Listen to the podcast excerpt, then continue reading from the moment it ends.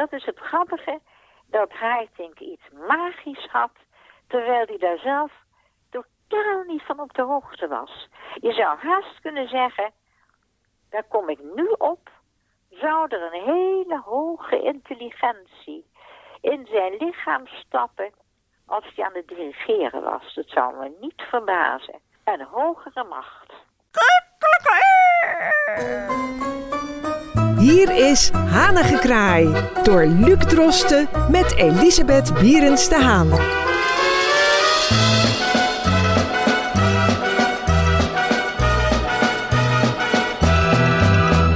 Dit is Hanengekraai. Elisabeth Bierens de Haan zit te popelen om vandaag voor de derde en laatste keer in dit drieluik te praten over Bernard Haitink. Uh, we hebben het al gehad over zijn stem. We hebben het uitgebreid gehad over zijn persoon.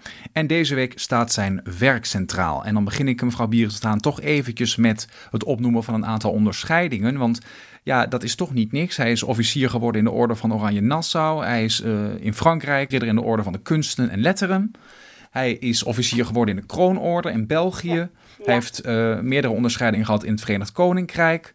Hij is uh, commandeur in de Orde van de Nederlandse Leeuw geworden in Nederland nog een paar jaar geleden. Hij heeft een Erasmusprijs, hij heeft meerdere Grammy Awards. Nou, het houdt eigenlijk niet op. Jongen, jongen, jongen, zeg. Wat De, het, is, het, is, het is ongelooflijk. En uh, vandaag ja. gaat het echter over de herinneringen en de waardevolle stukken uit zijn werk die u in het bijzonder hebben geraakt.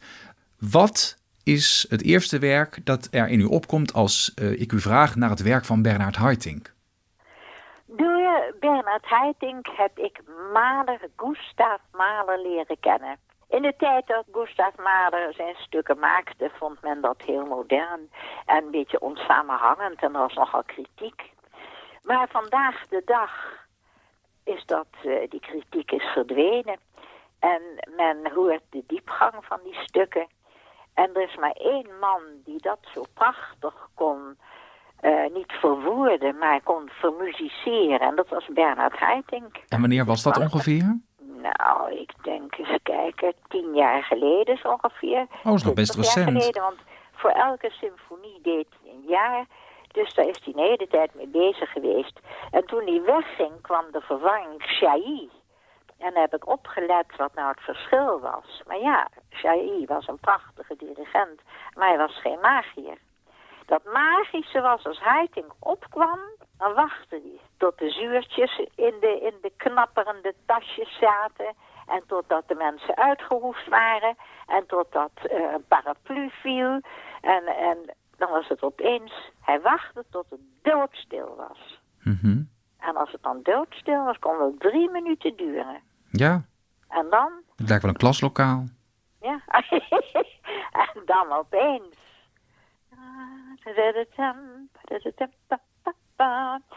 Ik denk dat Gustav Mahler vanuit de hemel zat te kijken van, ja, dit is de man die mijn werken kan dirigeren. Die begrijpt hoe het in elkaar zit.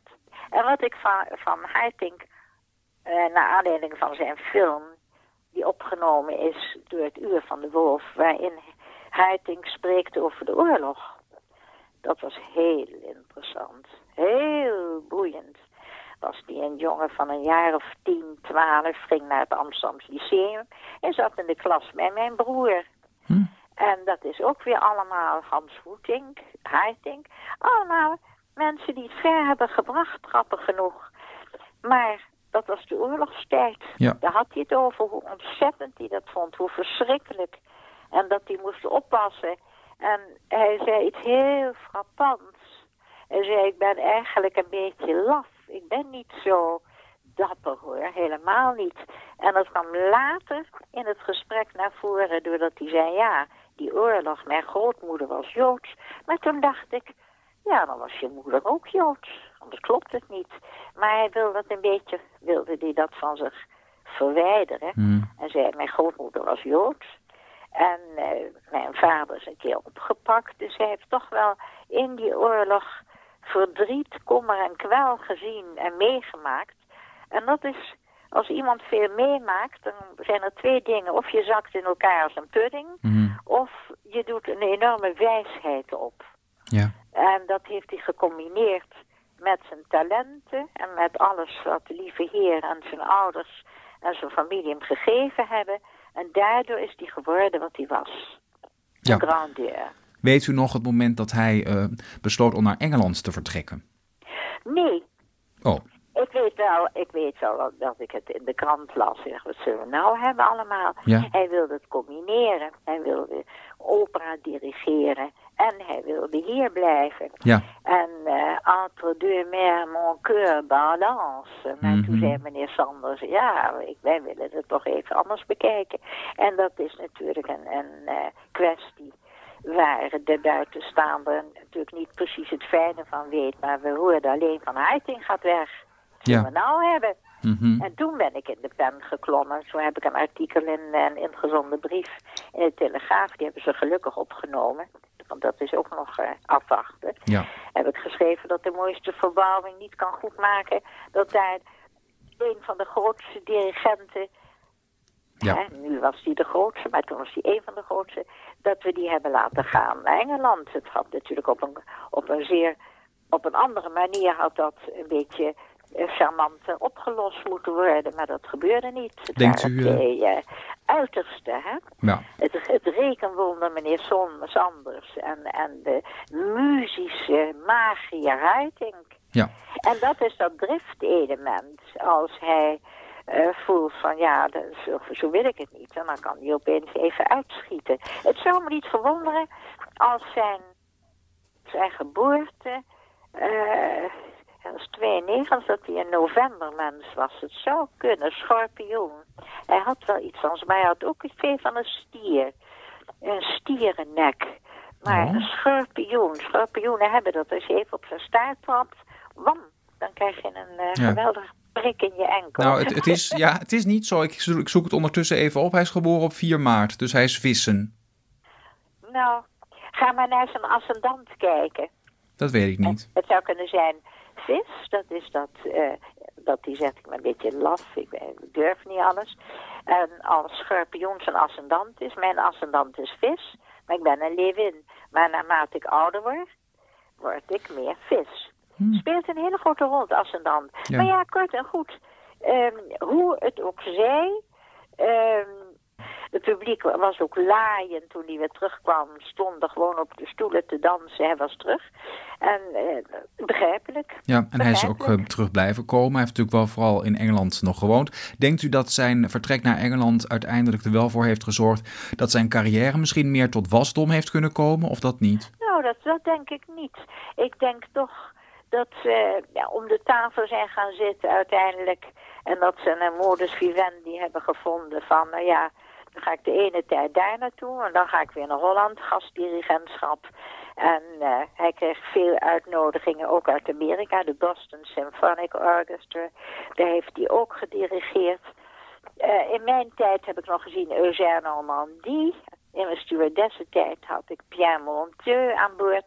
Heel bescheiden dirigent. Grappig, het waren hele bijzondere dirigenten, maar ze waren geen magier. Dat is het grappige, dat Haitink iets magisch had, terwijl hij daar zelf totaal niet van op de hoogte was.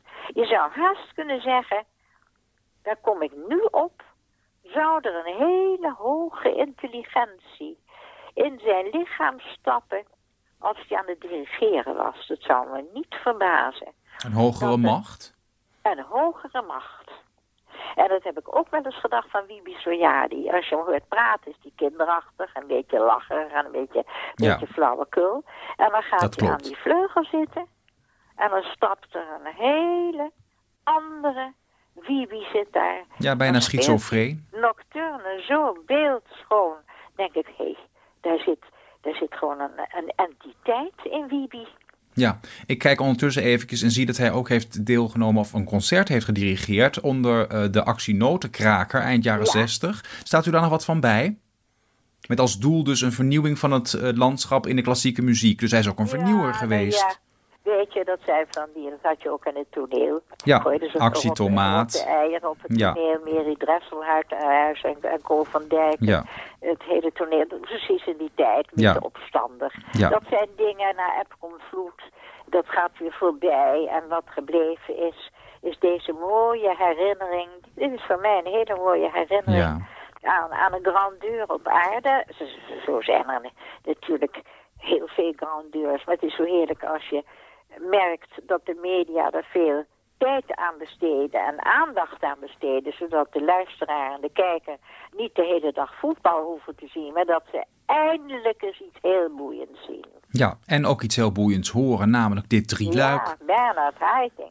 En we komen alweer aan het eind van het drieluik, want uh, ja, we hebben alle drie de onderwerpen belicht. En mevrouw Bieres de Haan, ik denk dat menig luisteraar uh, misschien wel met hem in aanraking is gekomen dankzij u. En uh, ja, dat is dan toch een uh, culturele opvoedingsfunctie die u ook een beetje heeft. Dus dat is erg mooi. Nou, dank je voor deze woorden, Luc. En ik verheug me alweer op de volgende podcast. We spreken elkaar volgende week We weer. elkaar. En ik dank u voor al uw uh, persoonlijke verhalen en uw professionele, zou ik bijna zeggen, analyse van Bernard Haitink. Nou, dank je zeer. Ik heb het met liefde gedaan.